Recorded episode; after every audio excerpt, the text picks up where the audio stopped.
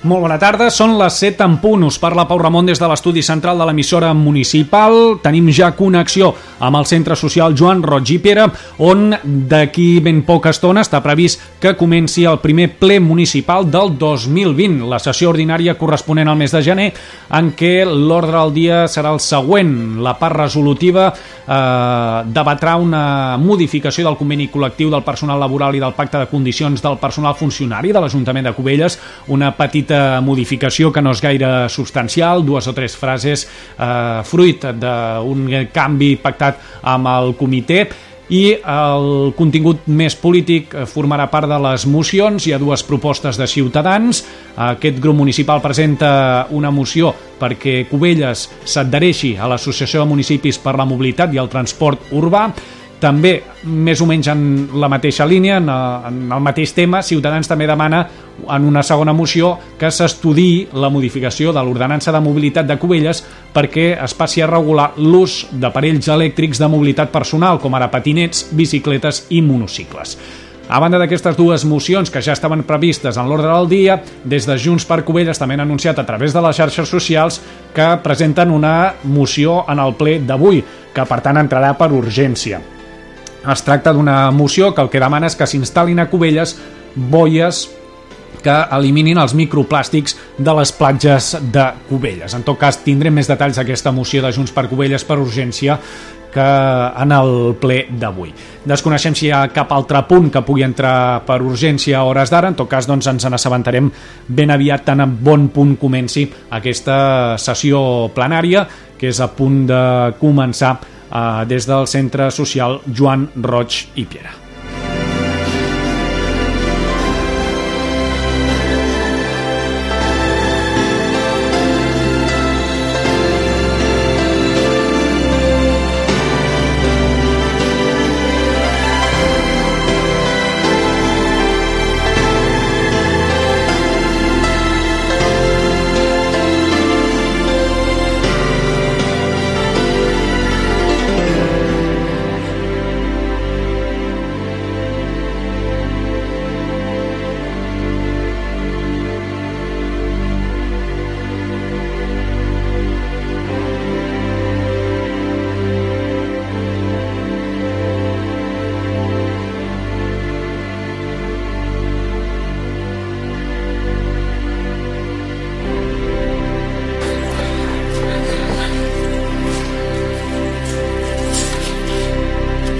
Doncs sembla que és a punt de començar aquest ple municipal. Ens arriba ja el senyal del Centre Social Joan Roig i Piera, on seguirem aquesta primera sessió plenària de l'Ajuntament de Cubelles, la, el primer ple d'aquest 2020. Bona tarda a tothom.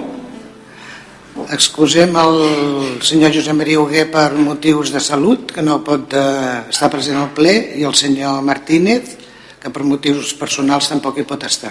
Moltes gràcies. Anem a passar, anem a donar inici al ple, número 1, 2020, legislatura 2019-2023, en sessió ordinària. Punt número 1, de l'ordre del dia, aprovació si s'escau de l'acte del ple de la sessió ordinària de l'11 del 19 de novembre de 2019. Aquí ja els hi vam passar la comissió informativa, que hi havia dues errades de transcripció, ho tenen tots vostès, eh? s'ha de votar, el, el vot que farem serà amb la correcció inclosa, d'acord? Pues, vots a favor? Abstencions? Molt bé.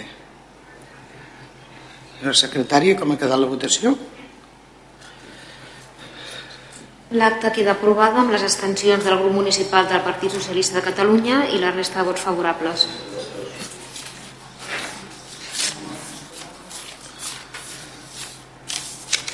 Molt bé. Anem a passar les informacions de la presidència, a la part informativa. Perdona? Ah, val. Informacions de la presidència. Avui en tenim tres. La primera és l'informació del càmping Masguineu, que arran de l'aprovació del Pla Director Urbanístic de les activitats de, de càmping de la Conselleria de Territori i Sostenibilitat, el 19 de desembre passat s'han determinat unes directrius d'obligat compliment que lògicament afecten el projecte del càmping de luxe de Mas Guineu. Per tal de poder executar el pla especial urbanístic aprovat inicialment, cal procedir a la qualificació del sol de Mas Guineu com a sol urbà o urbanitzable. En la qualificació urbanística d'activitat econòmica turística. L'Ajuntament, al seu torn, rebrà una sessió de sol per espais lliures d'ús públic, una sessió d'espai per equipaments i una sessió del 10% d'aprofitament mitjà.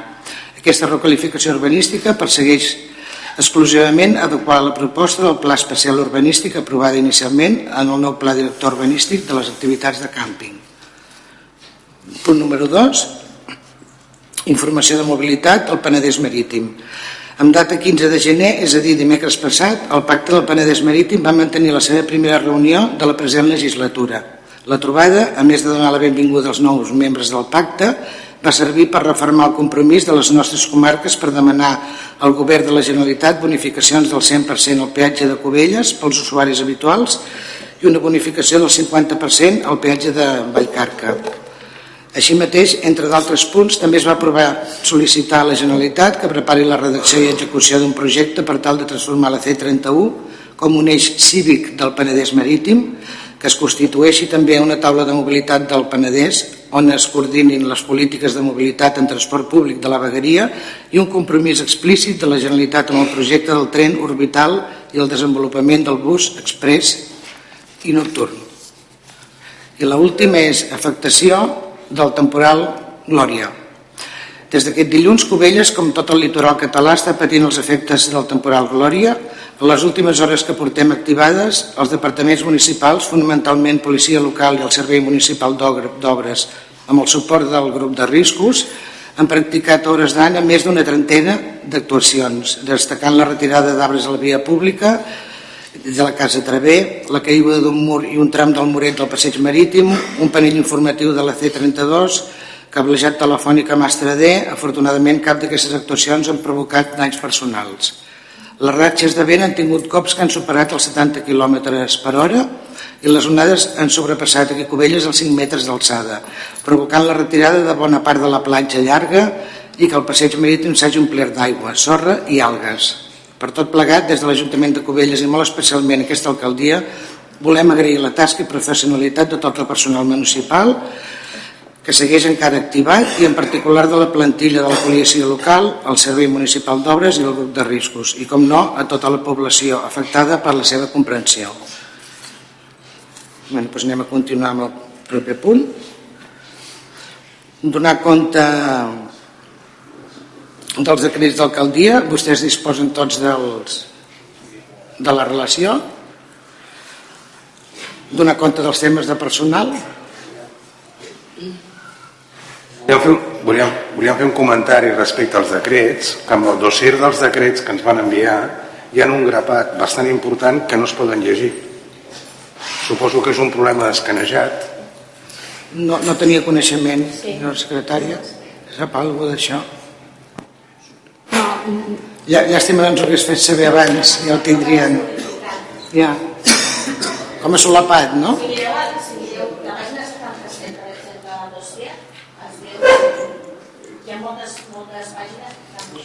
Si, si ens ho haguessin fet saber abans, ho haguessin tingut ja, quan ho van rebre. Bueno, els hi tornem a enviar, eh?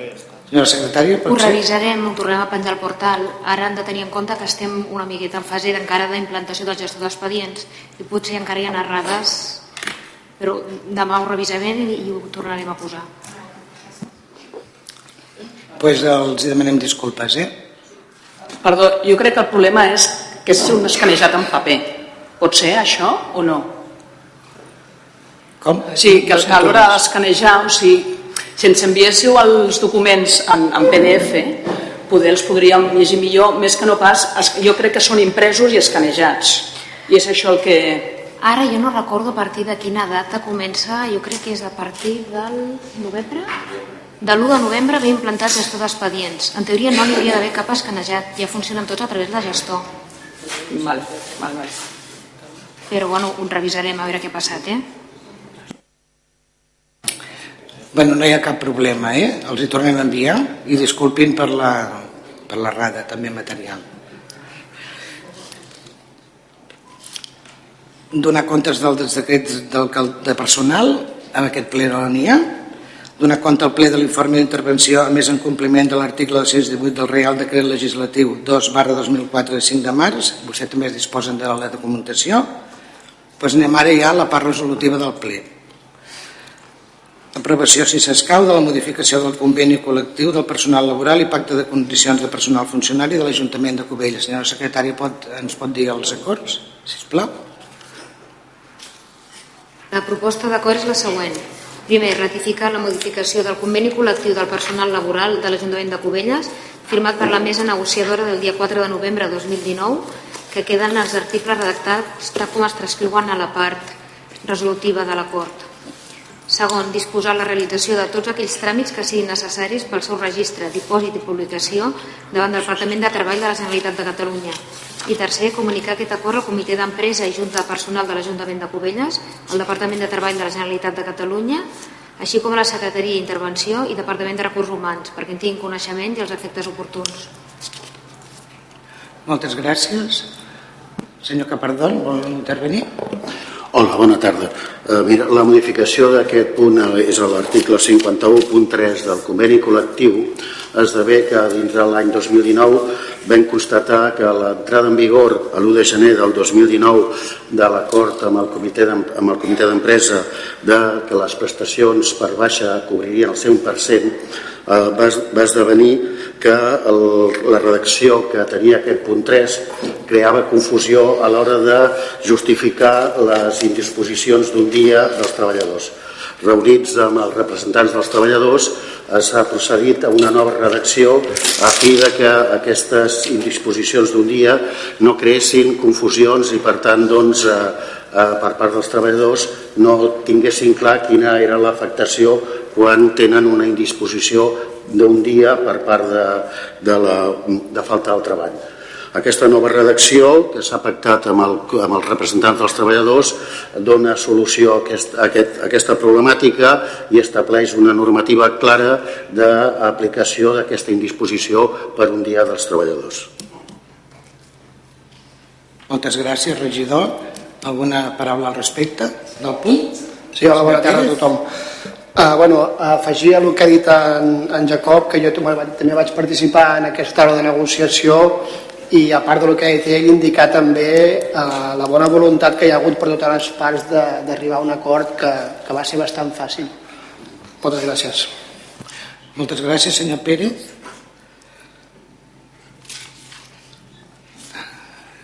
Senyor Monsonis. Senyora Torralba.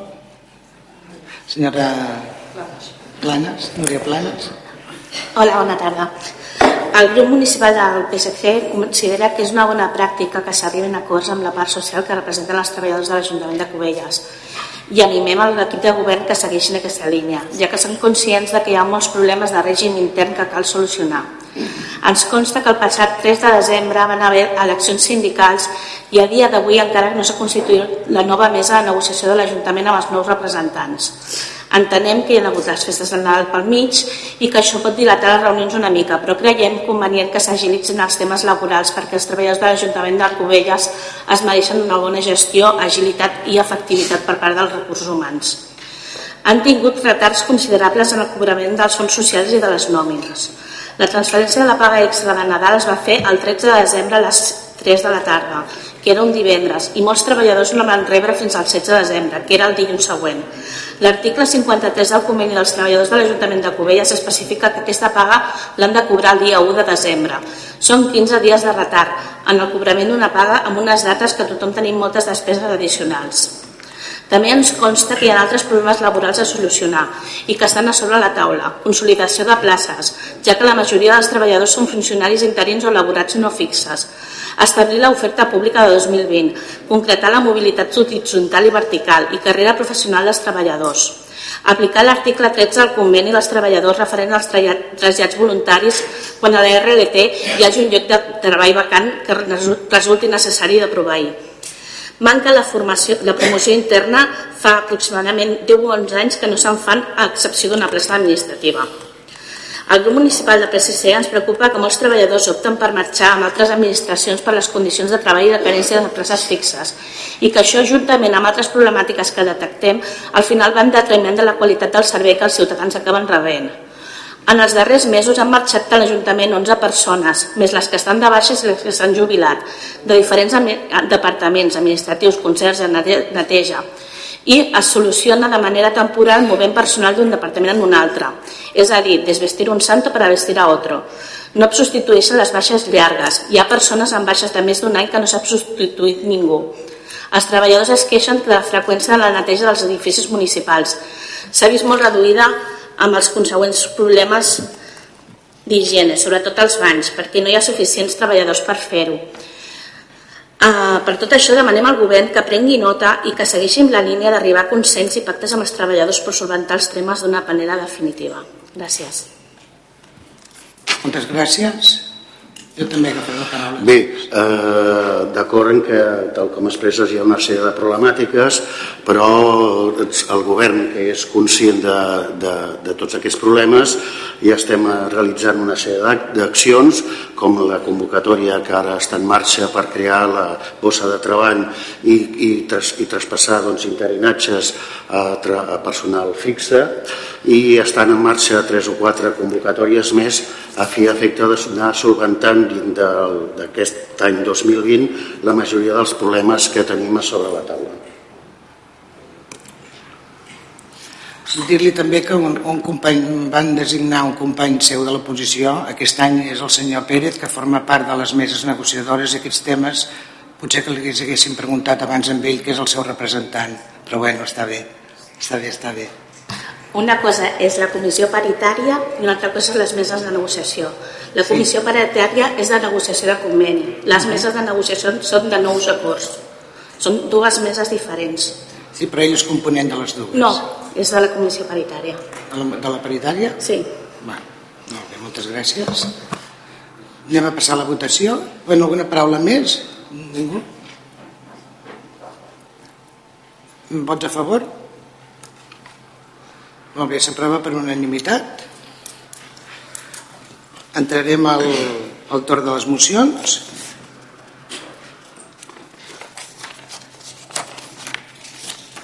Moció per la millora de la... Bueno, si la, la, la defensarà la, la senyora Torralbo. Moció per la millora de la mobilitat i el transport urbà mitjançant l'adhesió de l'Associació de Municipis per la Mobilitat i el Transport Urbà, que representa el grup municipal de Ciutadans. Si vol llegir vostè mateix els, els acords que li semblin.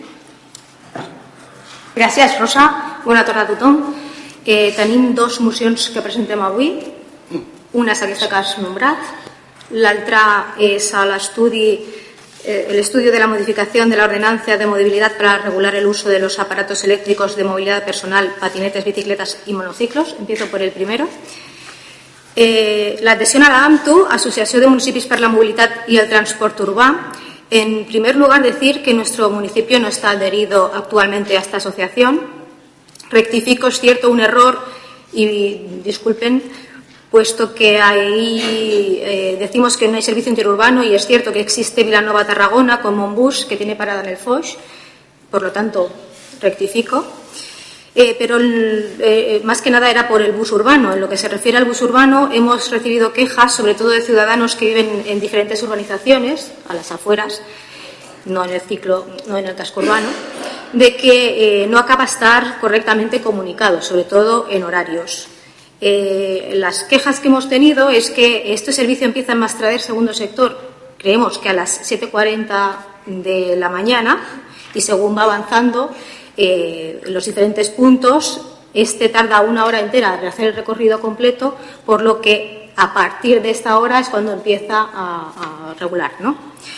El mismo acaba eh, en el mismo punto a las 18.40 también de la tarde, por lo que entendemos que es el último bus que se puede coger desde este punto hacia, hacia, el, hacia el pueblo, digamos.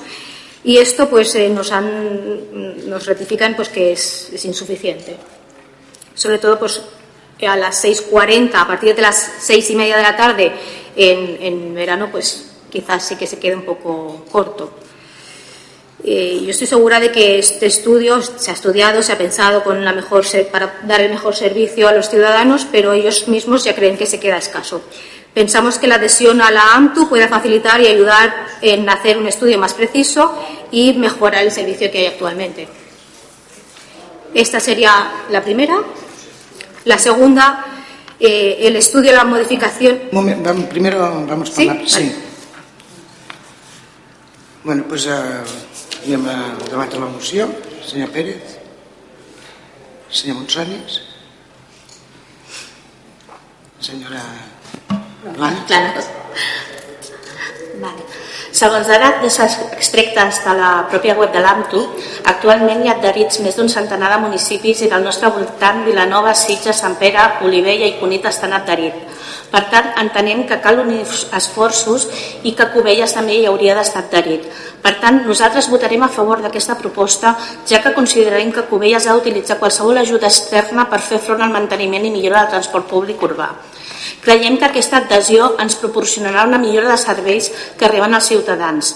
Actualment, les persones que vivim a les urbanitzacions som altament dependents del vehicle privat, com a mode de transport habitual i a Cubelles necessitaríem alternatives més sostenibles, saludables i econòmiques com a transport públic urbà i si fem el transport públic existent més eficient i amb tarifes integrades a la xarxa existent, juntament amb una regulació horària que s'adapti a les necessitats de la població, aconseguirem un augment d'ús d'aquest servei. Gràcies. Moltes gràcies. Com a govern, com a govern defensarà la senyora... Dividirem el temps. Sí? Molt bé. Com ha parlat del, del bus urbà, comentar-li que des del govern s'ha fet un esforç per tenir el bus urbà durant el cap de setmana, perquè abans era un servei que estava només de dilluns a divendres i ara es fa també els caps de setmana. Eh, és un esforç que, ens, que li costa a l'Ajuntament 140.000 euros a l'any Llavors, en tema d'horaris ho mirarem i ho comprovarem bé, però que tampoc tinc aquesta informació perquè no tenia aquest punt en la seva moció, però de totes maneres comentar-li aquest tema, que s'està fent l'esforç, s'ha fet l'esforç i es continuarà fent, evidentment. Gràcies. Senyor Corbillo. En aquest cas, el govern votarà en contra arrel de les accions implementades en l'últim trimestre contra la solitud de les persones, doncs, com, bueno, com el WhatsApp per la gent gran o el sopars i dinars en els dies festius, es va proposar un projecte també en matèria de mobilitat per eh, contra la solitud.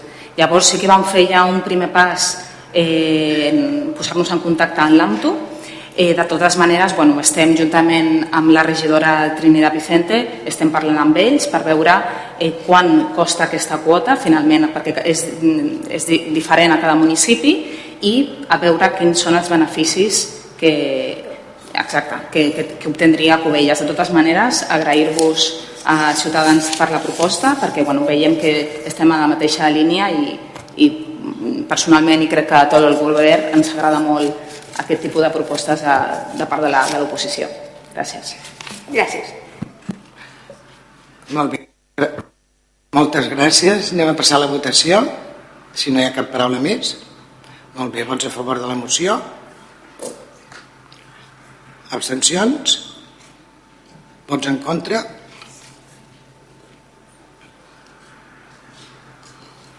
Senyora secretària, com queda la moció?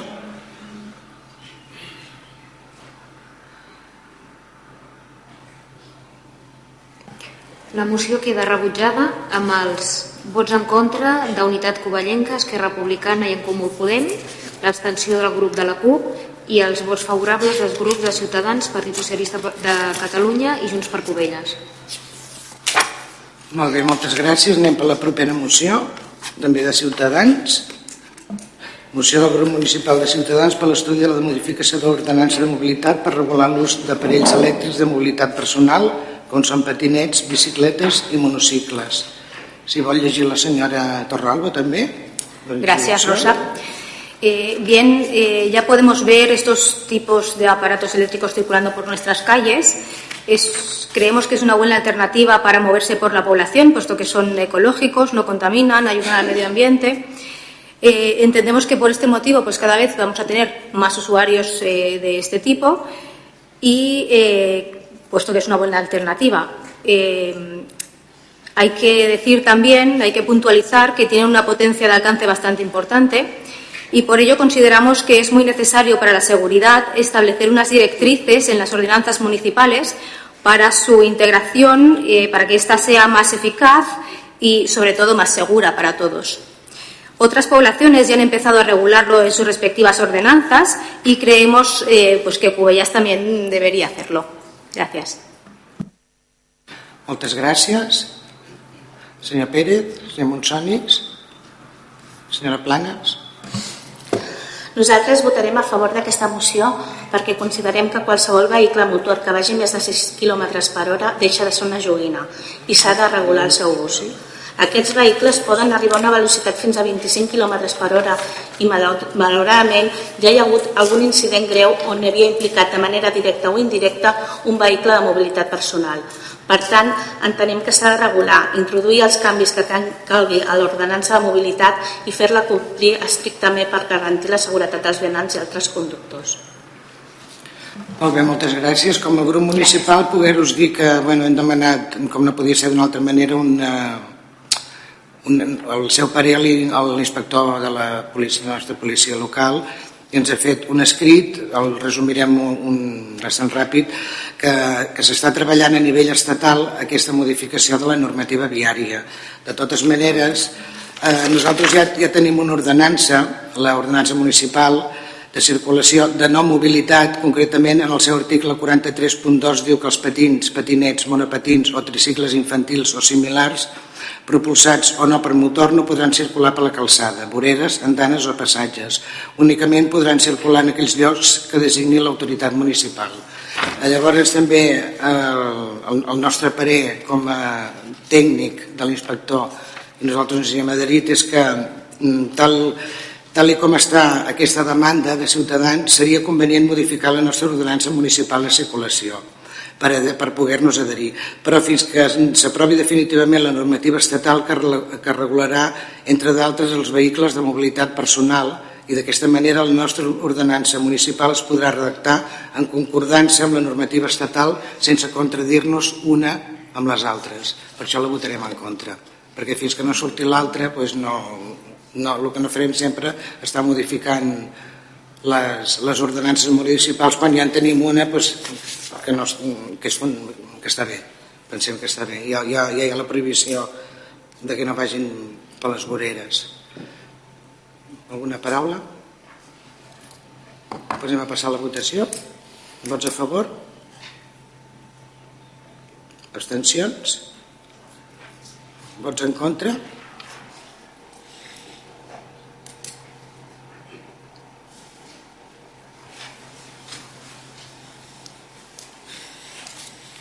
La moció queda rebutjada amb els 8 vots en contra dels grups municipals d'Unitat Covellenca 11, Esquerra Republicana de Catalunya i en Comú Podem, els 6 vots favorables dels grups de Ciutadans, Partit Socialista de Catalunya i Junts per Covelles i l'abstenció del grup municipal de la CUP. Moltes gràcies. El divendres al matí ens va entrar dues mocions al grup Junts per Covelles van preguntar a la comissió informativa si hi havia alguna moció més, ens van dir que ningú tenia més, bueno, sembla costum ja d'aquest grup, no? portar-la sempre un... Just, just convocada ja el, la, el ple amb la seva documentació, llavors ara s'ha de votar la urgència d'aquestes mocions, anem primer a votar la urgència, Tot, tots saben... De... Podem intervenir ara o no? Sí, entenc que sí, no? abans de votar es pot explicar. Sí, en tot cas algú que la proposa d'explicar la urgència de la... Correcte, per explicar la urgència, sí. sí. En tot cas, nosaltres eh, crec que hem presentat les mocions sempre amb temps i forma. Aquestes van ser simplement perquè una l'estàvem treballant, que és la de les boies eh, filtradores, i no la teníem preparada i no sabíem si s'havia de presentar o no, i finalment ho hem fet, però que en tot cas es pot presentar pel pròxim ple, ah, però ens agradaria que es presentés avui en tot cas i la segona sí que es creiem més urgent que és una moció que ha fet l'Associació Catalana de Municipis i l'Associació de Municipis per la Independència sobre el rebuig a la resolució de la Junta Electoral Central respecte al molt honorable president Torra i l'eurodiputat Oriol Junqueras.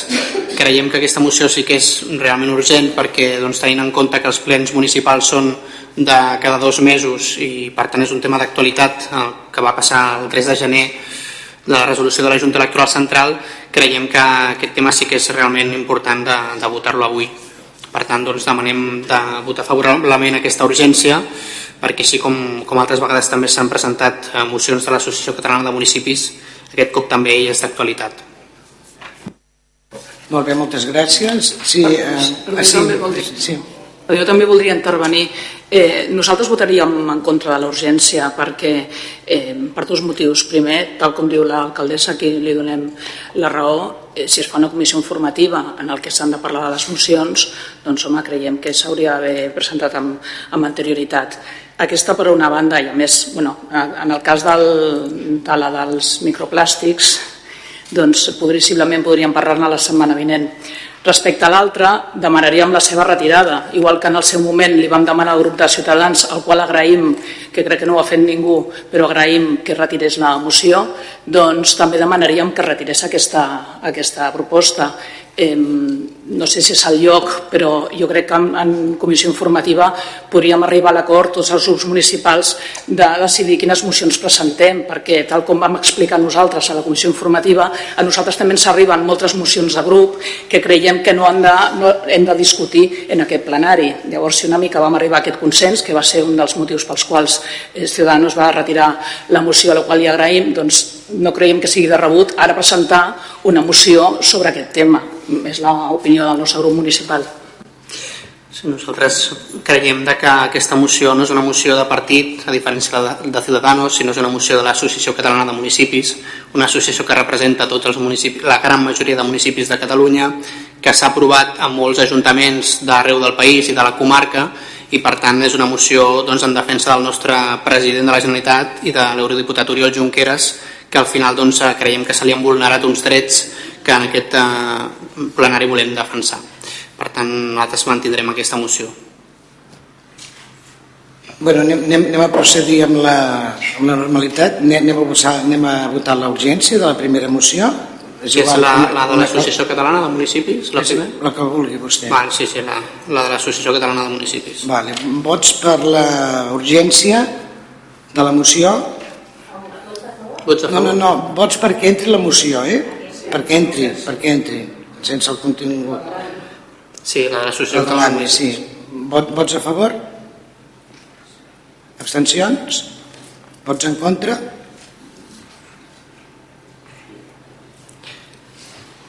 Bé, volíem deixar palès que que ens, ens sorprèn que Esquerra Republicana eh, voti en contra d'una moció que és, és precisament per defensar el seu propi líder que està empresonat i que per tant eh, ens sobta moltíssim que, que no es vulgui aprovar aquesta urgència perquè al final doncs, estem, crec que tots al mateix vaixell estem per defensar les nostres institucions i els nostres representants votats per tot el poble. En part, molta gent de Covelles que va votar a l'eurodiputat Oriol Junqueras. Nosaltres defensem el nostre president, que és l'Oriol Junqueras, que a més a més hi fem moltes més accions. El que passa és que estem cansats de sempre estar de la mateixa manera amb el tema de les mocions.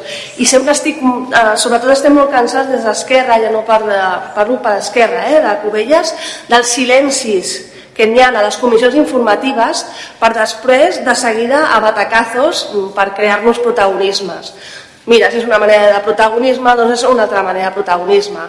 Després també m'agradaria fer una petita, una petita puntuació en relació al que ha explicat la senyora Renata de quan van fer retirar la moció. És que no n'hi no, no ha color d'una moció amb una altra. Vull dir, una ja no existeix, que és el tema del terrorisme, i no existeix. Per tant, vull dir, no tenia sentit. Res més. Moltes gràcies. Per rèplica, nosaltres... Jo puc contestar? moment, sí, per, per pares. Per rèplica, eh, creiem que no és motiu el que vostè com a representant estigui cansada de les formes que es fagin per algun grup per defensar el seu líder aquí al plenari, que és el màxim òrgan de representació de l'Ajuntament de Cubelles. Entenem que això a les formes siguin dites, siguin com siguin, si s'ha de presentar o no a la comissió informativa, en aquest cas ens va arribar després la moció i la vam presentar després, no és la tònica habitual, però en tot cas no creiem que sigui motiu per no defensar una moció tan important que els vostres companys a Vilanova i la Geltrú van aprovar ahir i en altres municipis s'ha aprovat per part d'Esquerra a tots els municipis de Catalunya i que vostès avui han evidenciat que Esquerra Covelles no aprova aquesta moció. Eh, no, no, no, perdó, eh? Això no, està, no estic confós, dient que no eh? l'aprovo, Està eh? confós, Estic està dient que la passem en un altre moment. Simplement. En un altre- ah, i, i bé, i bé, et, et, et, torno a contestar. Eh, les, les idees polítiques o la independència d'Esquerra en molts aspectes ja se posen entredit. Jo et garanteixo que des d'Esquerra s'està treballant molt en aquest sentit. D'acord? No, amb això no, no ens diguis que ets millor o que el vostre partit és molt millor que nosaltres per presentar-la ara així. ¿vale? No ho he dit en cap moment, però en tot cas el que creiem que on s'ha de defensar realment és el plenari i les posicions polítiques i en aquest cas era molt clar aquesta moció no és una moció que ens hem inventat des del partit és una moció que els vostres companys d'Esquerra Republicana han treballat també a l'Associació Catalana de Municipis i han fet un esforç per, per representar-la també a tots els municipis. Nosaltres ja mm, l'hem presentat com la podríeu haver presentat vosaltres tot i així no heu afavorit la seva votació. Amb un pròxim ple ja no es podrà fer perquè dos mesos sabeu que són molts en política i que passaran moltes més coses diferents que ja no tocarà en aquell moment.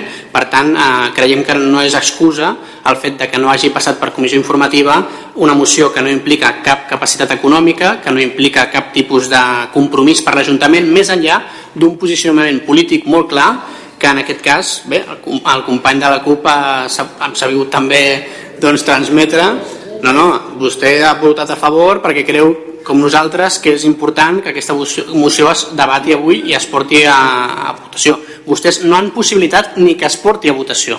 Per tant, encara és més greu que votar en contra. És una opinió. De l'altra manera li puc dir que d'aquí dos mesos potser estem treballant una moció conjunta molt més treballada i d'una altra manera i amb molts més articles. Molt més treballada que la de l'Associació Catalana de Municipis, que s'ha consensuat amb tots els representants polítics. Està molt ben feta i està molt ben treballada i estic totalment d'acord amb ella. Ja li he explicat els meus motius.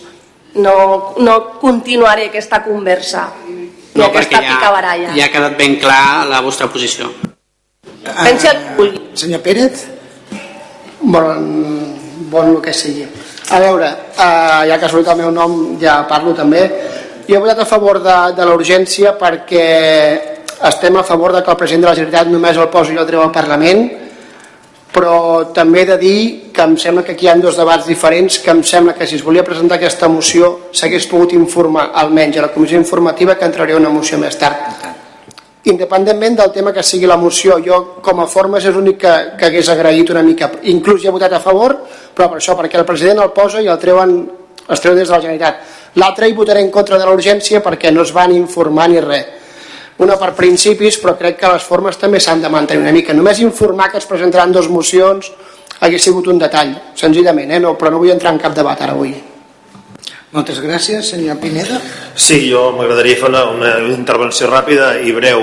Miri, nosaltres eh, dintre de l'AMI hi som perquè aquest ple ho va aprovar. O sigui, eh, després es fan uns comentaris que aquí només aprovem la urgència. Ni estem d'acord ni estem en contra. L'únic que aprovem, no aprovem la urgència.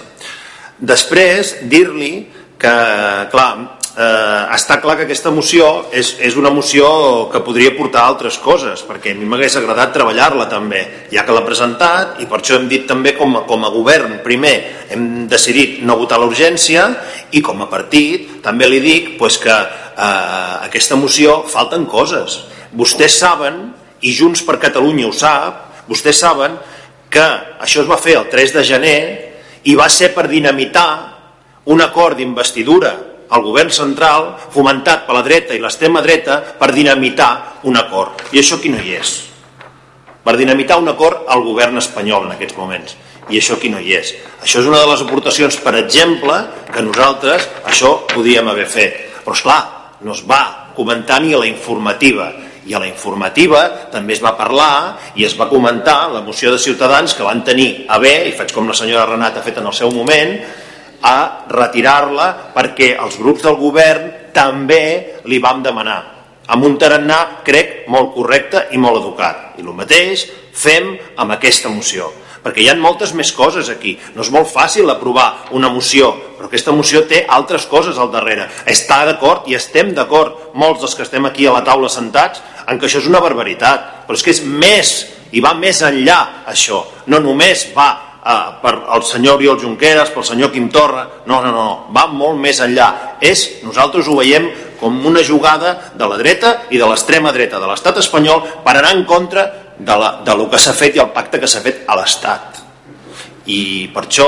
la volíem haver treballat i tal. Bueno, no s'ha pogut ser, no s'ha pogut treballar, s'entren mocions per urgència quan el ple ja s'ha convocat, doncs el govern en aquest cas hem pres la decisió de, de, de, de votar en contra de la, de la, de la tramitació i d'aquí dos mesos, doncs, si torna a ser doncs, bueno, hi entrarem a debatre com a grups, cada grup farà, la seva farà el seu posicionament, però que el que no pot ser i que, que se'ns digui és a Esquerra Republicana, vostès li estiguin dient doncs, que ja no són independentistes o deixin entreveure aquestes jugades. Clar, són jocs que realment, home, és entrar per la porta del darrere i, bueno, creiem en aquests moments que no toca. Nosaltres coincidim amb vostè amb, amb algunes coses, com que hi ha coses que es podien reflexar de més i en aquest cas eh, estic d'acord però evidentment quan li toca el rebre amb una persona o amb una altra doncs en el moment és quan s'ha de defensar perquè si fem un dossier ple de totes les greuges que ens han fet doncs eh, vull dir, jo crec que és d'actualitat cada cosa en el seu temps no? per tant creiem que aquesta moció és eh, una moció que s'ha consensuat que està presentada en molts municipis que sí que no s'ha presentat a comissió informativa perquè en aquest cas ens va arribar després i mira, doncs va, va anar així la cosa però com que d'aquí al pròxim ple és d'aquí dos mesos doncs vam decidir presentar-la. I en aquest cas creiem que tots aquests arguments no són motiu per rebutjar la urgència d'aquesta moció que entenem doncs, que és un tema ple d'actualitat que d'aquí dos mesos ja no ho serà per tant ja no hi haurà possibilitat de debatre aquest tema, potser n'hi haurà un altre però en aquest cas aquest no i que poden passar moltes coses en dos mesos que el moment era ara per tant, Mm, jo crec que no ens podem excusar eh, tot, no ho podem excusar tot en que no s'hagi presentat a la comissió informativa perquè hi ha mecanismes democràtics per habilitar que en el ple doncs, hi hagi una moció que pel que sigui, pel motiu que sigui es presenti per urgència. Per tant nosaltres eh, mm, malgrat no s'ha portat a votació aquesta resolució nosaltres el que volem expressar és el nostre compromís i solidaritat amb el president de la Generalitat el molt honorable Quim Torra i també amb l'eurodiputat Oriol Junqueras per les conseqüències que estan patint. Mol, moltes gràcies. Uh, si no hi ha cap novetat, uh, queda entrarà automàticament al proper ple. Anem a per l'altre? No, hem de votar l'urgència, no? Ja hem votat, ja hem votat. Sí. votat. Ah, no, ara, ara anem per l'altre, eh? Anem per l'altre. Moció per la implementació, també presentada per Junts per Cubelles, de les boies filtradores de microplàstics a les platges de Cubelles com a mesura per la reducció de residus del medi ambient. Si vol vostè... Sí. L'altra, entenem, la, de les, la moció de les boies, que també tenim a mà, entenem que és una moció que no és tan urgent, però que en el tema de l'emergència climàtica sí que ho és. No? Per tant, eh, nosaltres és una moció que vam acabar de treballar a finals d'aquesta setmana, Um, creiem que si els plens fossin cada mes doncs segurament ens haguéssim esperat el mes següent però en tot cas com que són cada dos mesos doncs vam creure convenient de també presentar-la aquest cop. Um, és una moció que es pot debatre al pròxim ple perfectament també però creiem doncs, que com abans s'abordi aquest tema millor. És una de les mesures que des de Junts per Covelles proposem que s'està implementant en altres municipis com a Calafell, per exemple, que són unes boies eh, que filtren microplàstics a les nostres costes i que doncs, permeten que es descontamini d'aquests microplàstics que són tan nocius per la salut. Sabem que nosaltres els peixos del mar mengen molts microplàstics i alhora nosaltres mengem eh, els peixos i llavors eh, ens afecta negativament a la salut. De fet, la Universitat de Barcelona ha fet un estudi de que cada 80 metres cúbics d'aigua hi ha aproximadament 100 partícules de microplàstics eh? i que l'organització World Wildlife Foundation diu que cada persona pot ingerir a la setmana 2.000 partícules de microplàstics i que equival a una targeta de crèdit és a dir, ens estem menjant molt, molt de plàstic no? i és una mesura que no ho soluciona tot perquè evidentment no és una panacea però sí que afavoreix doncs, a, a reduir de microplàstics la platja i juntament amb la pedagogia de que la gent, de que les persones no aboquin plàstics al mar, doncs podem ajudar a descontaminar la nostra costa. Per tant, eh, nosaltres volíem sotmetre la votació avui, entenem que si es rebutja, doncs que aquesta sí que passarà pel pròxim ple i que la podrem acabar de debatre. Bé, doncs anem a votar l'urgència d'aquesta. Eh? Vots a favor perquè entri aquesta moció al ple? Abstencions? Vots en contra?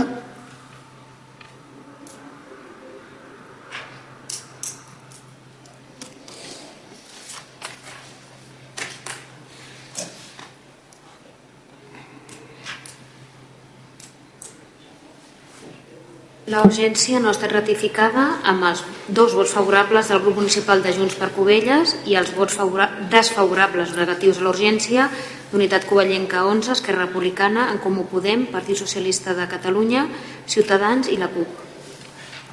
Bueno, com hem dit amb l'altre, en tot cas queda automàticament, si no hi ha res de nou per la seva banda, el proper ple. No hi ha més mocions, entenc? Anem a l'apartat de, de pregs. Perdó. Pregs. Sempre, bueno, fem, sempre fem els pregs primer. No és costum ja. Senyor Pérez? Sí, en tinc un. A veure, demanaríem que a la mesura que fos possible tècnica i econòmicament es col·loquessin unes senyalitzacions solars com les que hi ha davant de l'escola del Charlie Riven, aquestes que estan al terra, i que es col·loquessin al tram de terra que hi ha a l'alçada de l'skate park, aquell tram d'uns 250 metres de terra que hi ha a l'skate park. Que es col·loquessin unes... Aquell, aquelles senyalitzacions solars sí, sí, que sí, són... Sí. Hi ha un tram de terra allà al lateral de l'skate park que queda tot fosc ara de nit i si fos possible tècnicament eh, col·locar-les, pues, a part de semblar una pista d'aterrissatge, s'hi podria passar passejant a la nit ara o corrent. Algun prec més? No. Vale. Senyor Montronis?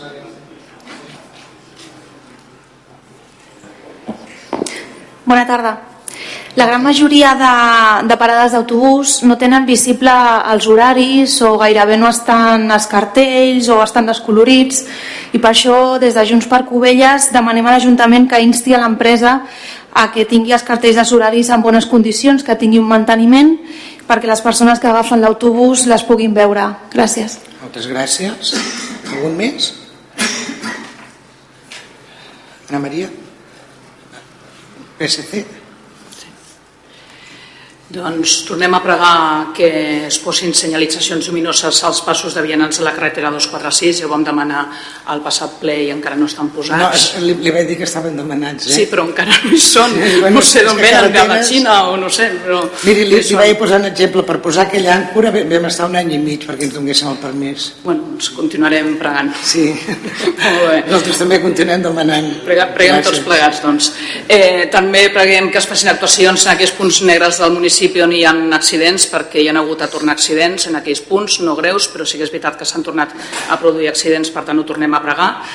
Tornem a pregar el tema de les instàncies. Eh, la resposta que se li va donar al senyor Pérez, que també va preguntar, és que ja, eh, moltes de les instàncies eren factures que es demanaven i que com les factures es pagaven directament aquestes instàncies no es contestaven. Home, nosaltres la, la resposta ens ha preocupat una mica. Esperem que no siguin factures de petites empreses i autònoms que estiguin depenent de l'Ajuntament i que hagin de sol·licitar eh, instàncies perquè se'ls hi pagui. Per tant, preguem... No, eh, per tant, jo, jo li Sí. aclareixo, quan s'entra un document a l'Ajuntament, sigui el que sigui, si vostè fa un La treball a factura electrònica també? Sí. Jo no tinc entès que les factures electròniques siguin instàncies, però vaja, mm, poder estar Hi ha, equivocada. hi ha moltes persones que venen aquí, ven, porten amb la factura. De totes maneres, crec que el sentit de la, de la pregunta que va fer el senyor Pérez i el meu, i la que vaig fer jo també, Si hi ha 5.000 instàncies a l'Ajuntament a l'any, aquestes 5.000 són 5.000 factures de, de proveïdors en 5.000 instàncies. vale, però això vol dir que si es paguen, eh, igualment queden sense contestar. O sigui, nosaltres el sentit del prec era per les eh, instàncies no contestades, que tenim coneixement de que hi ha instàncies no, no contestades. hi van a mi em sobtava la resposta, I vas que no sé... es compten aquestes també a nivell informàtic de, de l'OPIC. Eh, preguem també que es posin càmeres a uns punts on hi ha més vandalisme. Aquest és una sol·licitud que ens han fet arribar al... Càmeres. Càmeres. Hi ha alguns punts en el que hi ha vandalisme, sobretot a, tant a elements de la via pública com sobretot a vehicles privats i diversos veïns ens han sol·licitat que fem aquest prec al, a l'Ajuntament. Eh, tornem a pregar també que hi hagi més contingut al ple. La setmana, el mes, l'últim ple doncs, no vam tenir masses punts. Aquesta vegada tenim una modificació de conveni i quatre mocions del, de l'oposició, és a dir, tenim més propostes de l'oposició que, del, que de l'Ajuntament i bueno, ens agradaria que hi haguessin més, més continguts al, al ple. Eh, també ens agradaria mm, pregar que en el cas de les juntes de governs extraordinàries realment es facin per motius que siguin extraordinaris i urgents. Eh, ens ha sorprès una junta de govern extraordinària que es va fer el, crec que va ser el setembre, el 10 de setembre, que va durar exactament 14 minuts per aprovar els preus públics del Covermut, que és una edició que es fa anualment a les mateixes dates, no entenem que s'hagi d'aprovar això per urgència. A la mateixa Junta entenem que aquesta devia ser l'urgència, però la mateixa Junta també, també es va aprovar un projecte educatiu anual i es va aprovar un conveni que feia un any que estava retardat. Fer una Junta de Govern extraordinària i urgent per això no entenem que hi hagi aquesta extraordinarietat ni aquesta urgència. També eh, demanaríem eh, que es posessin les piles en el tema del pressupost. No tenim cap notícia respecte al pressupost. No sabem si això es prorrogarà o no es prorrogarà, però en tot cas, encara que es prorrogui, s'haurà de prorrogar. És que res perquè deuen, haver estan, deuen estar entrant factures que es deuen haver pagat i fins que no s'aprovi el pressupost no es podran obrir les partides pressupostàries necessàries per pagar-ho. I per últim tornem a pregar que respecti l'agenda dels regidors. Eh, les dues últimes convocatòries que ens han fet, que ha estat la, la inauguració de la Fira de Nadal i la rebuda del, del Reis Mags, ho vam rebre en 24 hores. Home, són dos actes que també es fan anualment. Jo crec que es poden convocar amb més temps. Mm, ja crec que pues, també li puc dir que com que sap que es fan anualment i sempre són el mateix dia, ja, ja pot comptar amb ells per cada any però nosaltres som nous i no coneixem el protocol. Per exemple, el tema dels Reis Mags no sabíem no si la rebuda la fèiem nosaltres, perquè nosaltres vam assistir, la rebuda la va fer vostè, clar, ens agradaria que en això... Sempre, sempre, això, sempre la rebuda l'he fet jo, volia acompanyar-nos el senyor, però sempre la fa l'alcalde, no sé, és així això, és, és el protocol. Sí, ja ho sé. Però es va molestar, ja ho sé, se'n va anar, ja ho sé, però bueno, si no els agrada, estan dintre del seu dret. Sí, sí, vostè està en el seu dret de decidir de quina manera vol fer la rebuda, això no hi respectem. I, i referent a el que ha dit de, de les juntes de govern extraordinària, normalment l'ordinària no es fa, normalment. Les ordinàries no es fan? Alguna vegada no es fa quan hi ha d'haver una extraordinària. Si es canvia de dia ja es considera extraordinària. Per exemple, si el dimecres que toca no la fem i l'hem de fer el dijous, ja és extraordinària mm, per defecte. I després quina pregunta ha fet més? Quin prec ha fet més? Quin prec ha fet més entre aquest i l'altre? El contingut del plen? Poder? Era aquesta? Pressupost. No, abans, el pressupost. Lo del ple, contingut del ple? Ah, sí, el contingut del ple, bueno, tornem a repetir Tornem, tornem a repetir un cop més que la Junta de Govern té abocades el 80... Quin percentatge és, senyora secretària, de competències al ple? Tot allò que la llei de bases de règim local permet delegar, per tant... Exacte, tot, tot el que es pugui per, per, per legalitat, com l'Ajuntament que hi havia abans, com tots els de la comarca, eh, té, té, té abocades les competències a la Junta de però, però Govern. Però podem, en comptes de fer tantes juntes extraordinàries, podré, podríem fer no, ple, cada, no? Cada, cada, dues cada mes. Clar. Com a tots els ajuntaments, eh? no són especials. Ja, bueno. Aquest mes n'ha fet una perquè no hi havia temes. Bueno, nosaltres podem Però si, una altra cosa si, si, miren el, si miren el contingut, és, són molt extenses. Sí, les he vist, per això m'ha sorprès aquesta que era urgent i que durava 14 minuts, pues per, que és la durada mitjana aproximadament pues perquè, de les juntes de govern. Perquè la junta de govern habitual no es va fer i si no es fa els dies que està marcat i aprovat per ple, es consideren juntes extraordinàries. Ah, però si es fan dues juntes extraordinàries amb contingut de 14 minuts cadascuna, és mitja hora. Com, com, com si són d'un minut, si s'ha si d'aprovar una cosa per junta de govern per un minut, doncs durarà un minut. Jo he vist juntes de governs de, eh, de governs anteriors que han durat 3 minuts. Sí, sempre es remet als governs És- és- anteriors. és el de nosaltres estem aquí fent Ja. posició del govern actual. Bueno, Llavors, si nosaltres li- veiem això a les juntes de govern i ens sorprèn, doncs ho diem Sí, i té tot el dret a dir-ho de forma pública, Però- encara que però- altres governs ho hagin fet o ho facin altres governs de la comarca. Però jo li explico, com vostè sempre diu que és nova, jo li explico però és una miqueta amb antecedents, doncs... Som els pioners d'això. Molt bé, Gràcies. jo li agraeixo que m'ho expliqui a mi i a la resta de la ciutadania que ens està escoltant. Gràcies. Gràcies, moltes gràcies, senyora B2. Bé, doncs, anem per les preguntes. Senyor Pérez? En tinc unes quantes, que en tot cas demà li enviaré un correu a, a la senyora secretària amb totes les preguntes escrites, perquè n'hi ha unes quantes. Començo. Veure, ja fa uns anys que va començar els tràmits del projecte del nou Institut a Cubelles en els terrenys ubicats darrere del cementiri. Al llarg dels anys sembla que aquest projecte tira endavant a poc a poc, però amb pes condicionat per, més per la requalificació urbanística cap al propi institut. I a dia d'avui sembla que comença a definir-se més tota la part d'habitatges que no pas el model pedagògic de l'institut.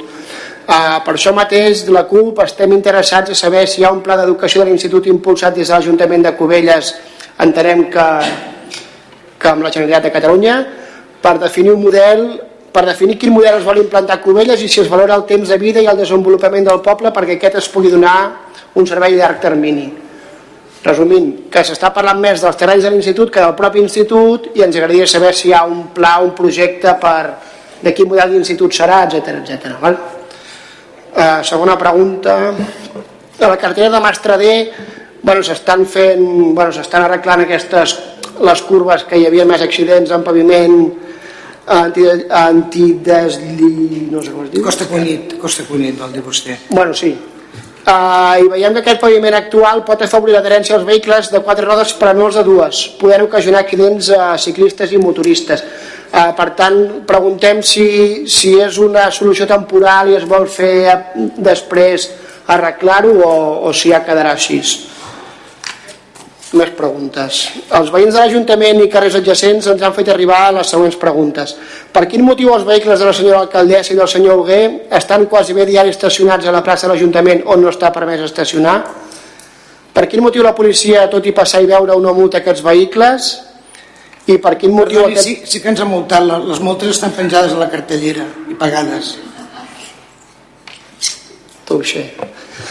Uh, ajuts socials. Amb quina freqüència està definit que s'han de pagar els ajuts socials i per Escolti, quins com, com ho motius saben vostè que no ens multen?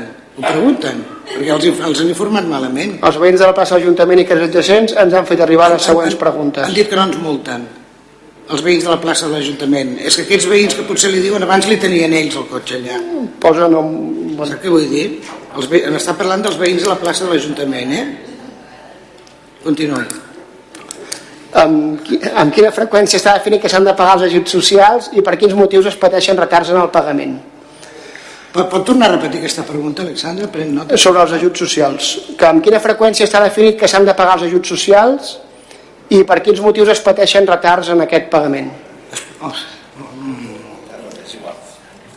Eh, ens comenten també que hi ha un nombre important de treballadors que deixen el nostre Ajuntament per marxar a treballar d'altres llocs. Eh, són gent formada i amb coneixements de funcionament de l'Ajuntament i del poble. Aquest fet suposa un d'alta baix per als departaments, ja que a part que es triguen substituir-los també cal un temps d'aprenentatge i de formació que no es té des del primer dia. Eh, de quin volum de treballadors estem parlant al cap de l'any? Si l'Ajuntament ha fet un estudi dels motius del per què marxa el personal i si s'estan prenent prendran mesures per evitar perdre aquest coneixement. Sobre la borsa de treball, que quina borsa de treball hi ha actualment oberta a l'Ajuntament i que per quins motius s'ha deixat caducar la borsa que ja hi havia. Hores extres, que per quin motiu hi ha diferència a l'hora de pagar les hores extres dels treballadors. En aquest cas és amb els treballadors de la policia local que ens manifesten que es cobren mensualment i amb la resta no, i que hi ha hores pendents de pagar encara des de la festa major de la Barema. Pot repetir l'últim, sisplau? Bueno, que ens comenten que hi ha diferències a l'hora de pagar les hores extres, que la policia local les cobra mensualment i la resta de treballadors no, i que hi ha hores pendents pagar de la festa major i de la barema encara. Hi ha hores pendents de pagar. Sobre patrimoni ens comenten que hi ha un community manager dedicat exclusivament al departament de patrimoni i que aquest no forma part de la plantilla de l'Ajuntament, que per quin motiu, si hi ha un departament de comunicació, per què no està fent aquest departament, i si està previst incorporar aquest treballador a la plantilla o estandarditzar aquest departament igual que la resta. Puc, puc contestar? Sí.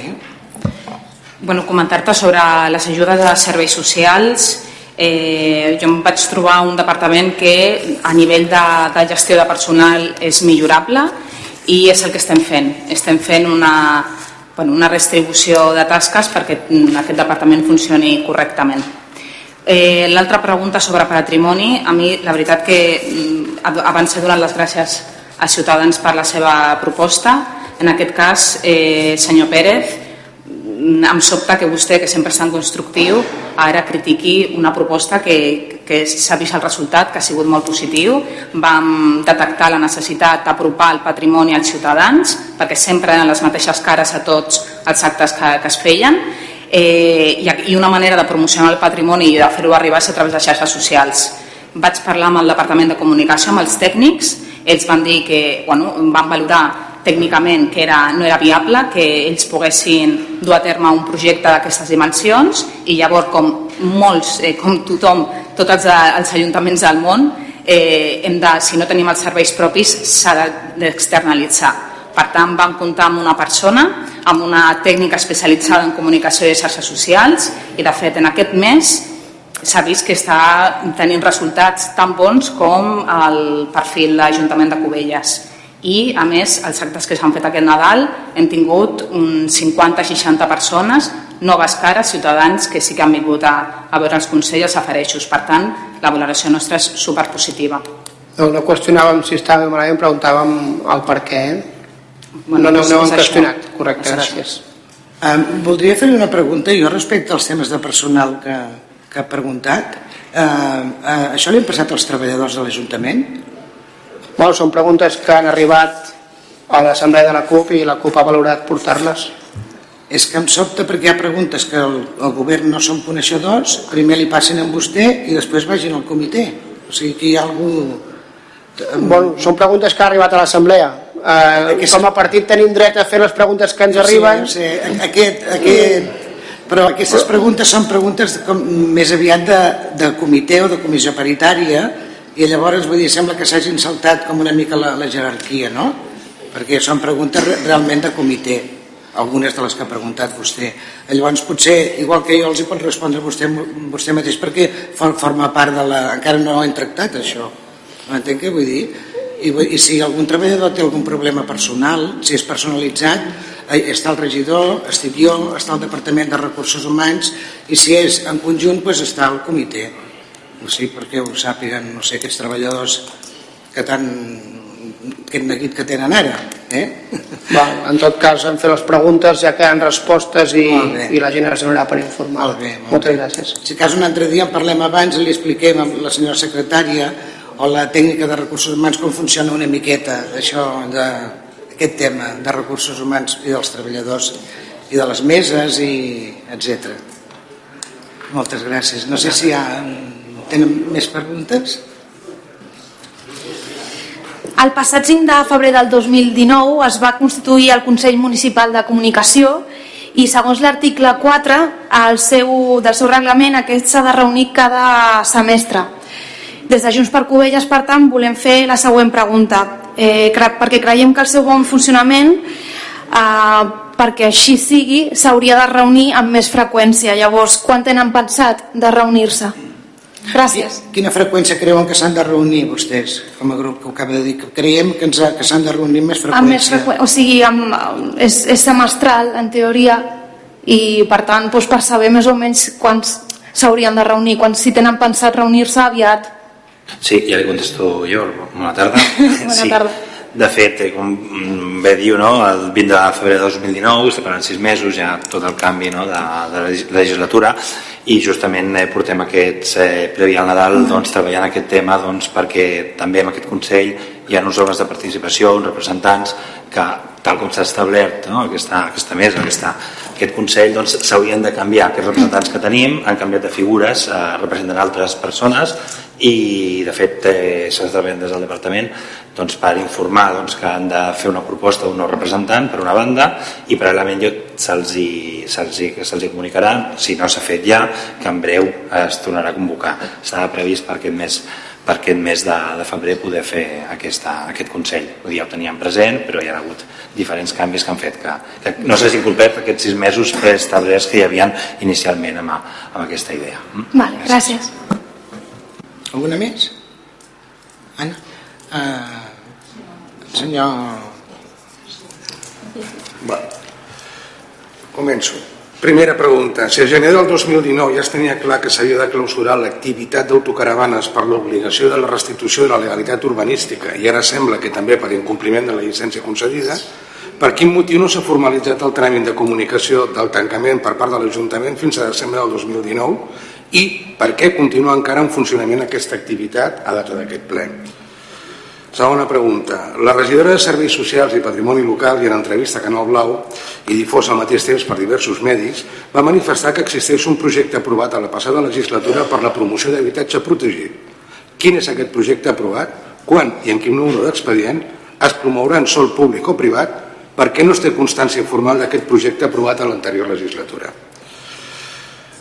Tercera pregunta. El ple de novembre es va aprovar per urgència el text reforç de la modificació del Pla General nou institut amb la finalitat de poder ser aprovat definitivament amb la darrera Comissió d'Urbanisme de l'àmbit metropolità de Barcelona en sessió data 13 de desembre del 2019. Donat que finalment no consta ni a l'ordre del dia de dita comissió ni en el seu informe final, se sap per quin motiu no constava aquest ordre del dia ni es va, si es va presentar amb la data requerida? Per què llavors la seva urgència gairebé sense donar temps a l'oposició d'analitzar el contingut del text que es va aportar a l'aprovació del darrer ple? Eh, quarta pregunta. Està sol·licitada la subvenció a la Diputació de Barcelona per complementar l'import de l'execució de les obres de la nova biblioteca? Si està demanada o, o no concedida, quin és el motiu? Per quin motiu existeixen reparaments d'intervenció als pagaments de factura a obres d'execució? Següent pregunta. Al finalitzar l'anterior legislatura es va fer públic el tancament imminent de la protectora d'animals i plantes del Garraf. Per quin motiu no s'ha formalitzat encara el seu tancament? Per què l'Ajuntament ha demanat assistència jurídica externa? Següent pregunta. Per quin motiu no es va demanar el preceptiu informe o autorització a la demarcació de Costes de Barcelona per l'execució de les obres de la passarel·la de fusta de Vianants a la desembocadura del Foix, espai protegit xarxa Natura 2000 i en zona de domini públic marítim terrestre? Perquè s'ha d'abonar ara una sanció de 6.000 euros per part d'aquest Ajuntament i per què es va precipitar l'execució d'aquestes obres tot junts abans de les eleccions i sense tenir les corresponents autoritzacions. Següent pregunta. Quan s'ha rebut l'autorització quan s'ha rebut l'autorització del Ministeri de Foment per començar les obres del passeig marítim al segon trimestre del 2021, tal i com respon el govern a la nostra pregunta al darrer ple? I, si existeix dita autorització, quan es va presentar el projecte al Ministeri de Foment per poder obtenir la corresponent autorització? Següent pregunta. Tot veient els reiterats problemes causats per les llevantades, problemes que comencen a estar molt habituals en greus problemes i perjudicis per als habitants, usuaris i restauradors de la zona, quan preveu o té previst aquest govern instar al Ministeri actuacions als espigons per tal de minimitzar l'impacte de les mateixes? Al darrer ple es va preguntar cada quan es revisen l'estat i desperfectes dels parcs infantils. Pregunta que no s'ha contestat. Per tant, tornem a preguntar cada quan es revisa l'estat i desperfectes dels parcs infantils? Quin és el circuit d'arranjament? Qui controla, quin controla que efectivament s'arreglin? No oblidem que s'ha fet una important inversió en remodelació de parcs infantils i creiem que aquesta resposta és perceptiva i de gran importància.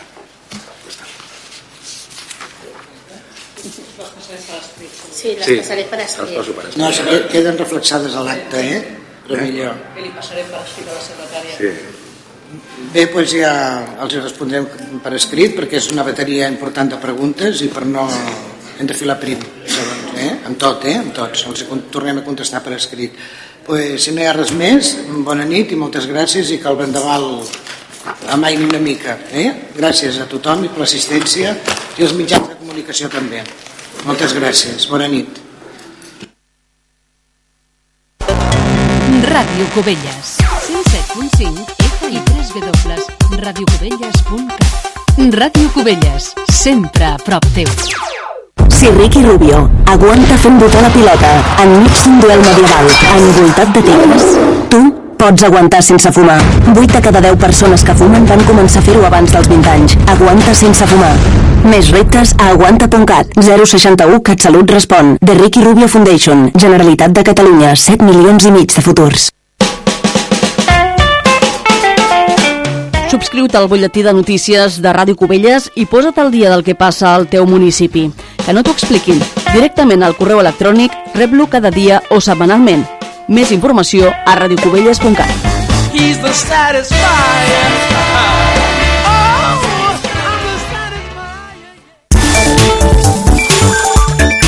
012. La Generalitat al teu costat. El Consorci per la Normalització Lingüística i el Parla.cat ofereixen cursos per adults ja sigui presencials, semipresencials o per internet. Millorar els coneixements de català és bàsic per les nostres relacions tant personals com professionals. Tinc els cursos de català per poder millorar la meva feina. Tinguis el nivell que tinguis, millora el teu català.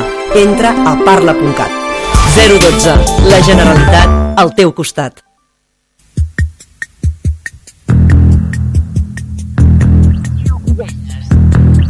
Ràdio Cubelles. 107.5 FM. 107.5 FM. Ràdio Cubelles. 107.5 FM i www.radiocubelles.cat. Ràdio Cubelles. Sempre a prop teu.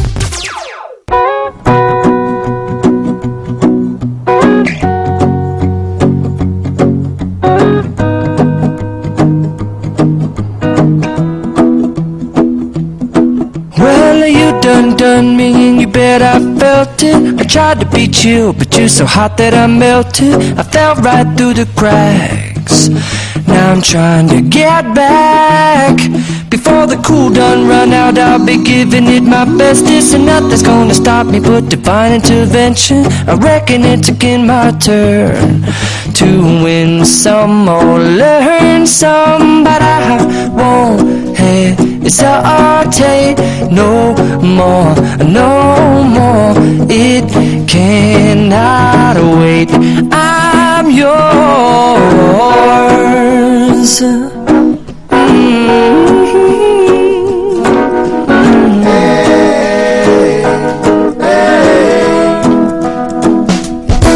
Mm-hmm. Well, open up your mind and see like me.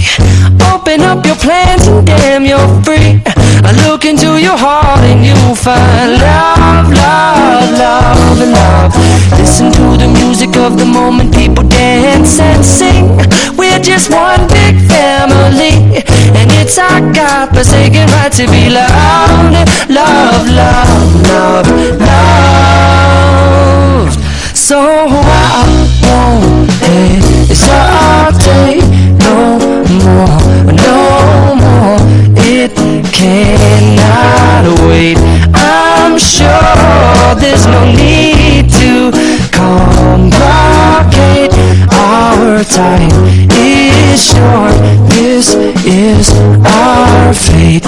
I'm yours. Do do do do do but do do do do do but do you want to come on? I scooch on over closer, dear, and I will nibble your ear. Soon the boom boom boom boom. I've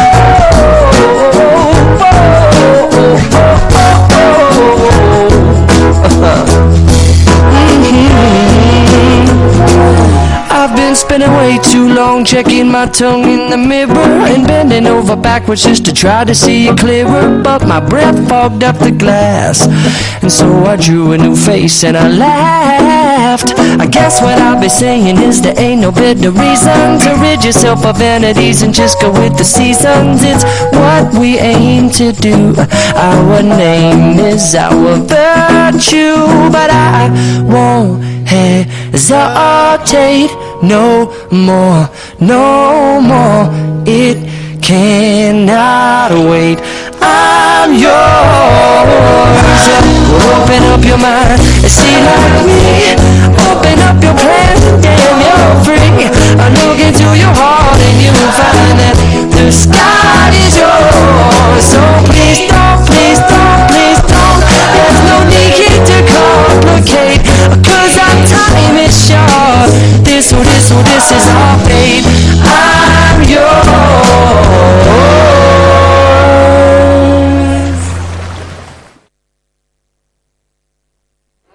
Oye, ready when you're ready now. A continuación, la fusión. Time to bust the fire now. Oye, let me know when you're ready. Burn fire. Take it little higher now. El rey del electro latino. Time to bust the fire now. Magán. Baby, no puedo despegarte from my mind. Me pongo crazy when I see your body wine. Es tu estilo, tu sonrisa y your design. Rey, Electro Latino. Te ves preciosa que ya no me aguanto. Me tienes loco con tu movimiento. Donde sea que ahora miro estás tú, estás tú. Y espera un poco, no te me vayas a ir, porque esta noche no se acaba el swing. Tú conmigo, yo contigo, eres tú, eres tú, eres tú. So no puedo despegarte from my mind. Me pongo crazy when I see your body wine. Es tu estilo, tu sonrisa your design. So baby, esta noche quiero hacer tu body mine. Me pongo crazy when I see your body wine. Wanna bump it, wanna bump it, wanna ride.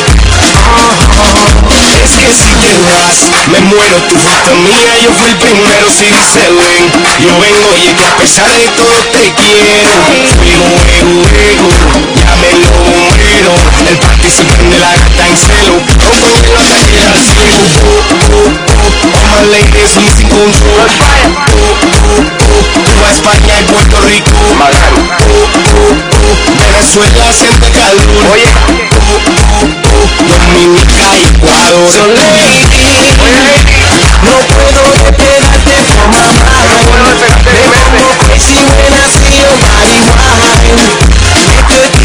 sonrisa y your design. Oh, so baby, esta noche quiero hacer tu body mine. Me pongo crazy when I see your body wine. Wanna bump it, wanna bump it, wanna ride. Tú te vuelves loca, yo me vuelvo crazy. Tú te vuelves loca, yo me vuelvo crazy.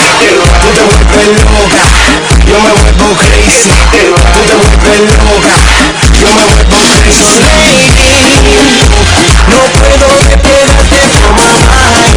Me pongo crazy when I see your body wine. Es tu estilo, tu sonrisa y your design. Baby, esta noche quiero hacer tu body mine.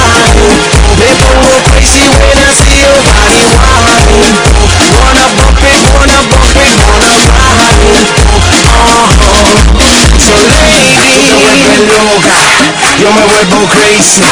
Tú te vuelves loca, yo me vuelvo crazy. Tú te vuelves loca, yo me vuelvo crazy. Tú te vuelves loca, yo me vuelvo crazy.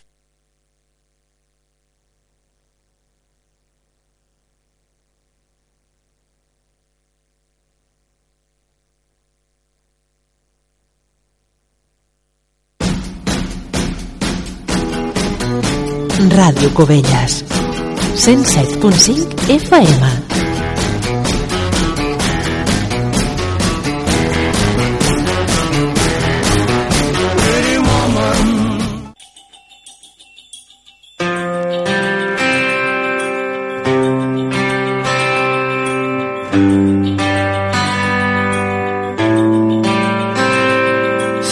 tiren la canya a prop de la plaça d'Espanya. Hipsters amb barba i ulleres s'han perdut per les cotxeres. Apareixen quan és fosc els lleoners ambulants i un camell fa l'agost A l'estació de Sants, exbolingues reciclats disfressats de runners, periodistes cremats que viuen de fer banners arribant a Ciutat Vella cantautors que ja no canten i a la porta de l'ovella quatre guiris no s'aguanten aturats amb tres carreres enxufats que només cobren regalets per les aceres jubilats que maniobren policia un carreró ara perdut el control amb un grup de percussió prop de la plaça del Sol perquè tombin els turistes la Rambla l'han tonejat ja no queden artistes, els músics han marxat quatre xinos fent retrats canaletes ja s'allunya i no queden indignats a la plaça Catalunya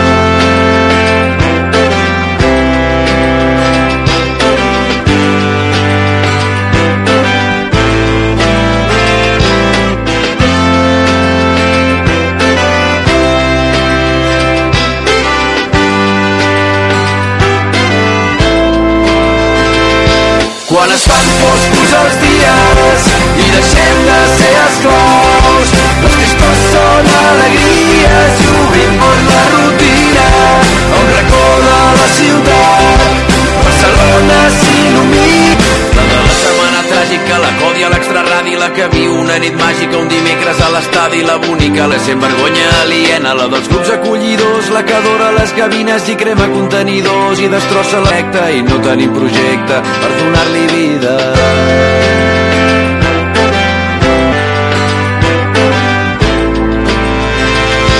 Quan es fan foscos els dies, estos són alegries i obrim portes sense claus. Quan es mor la ruta, Barcelona s'il·lumina quan et tinc al meu costat.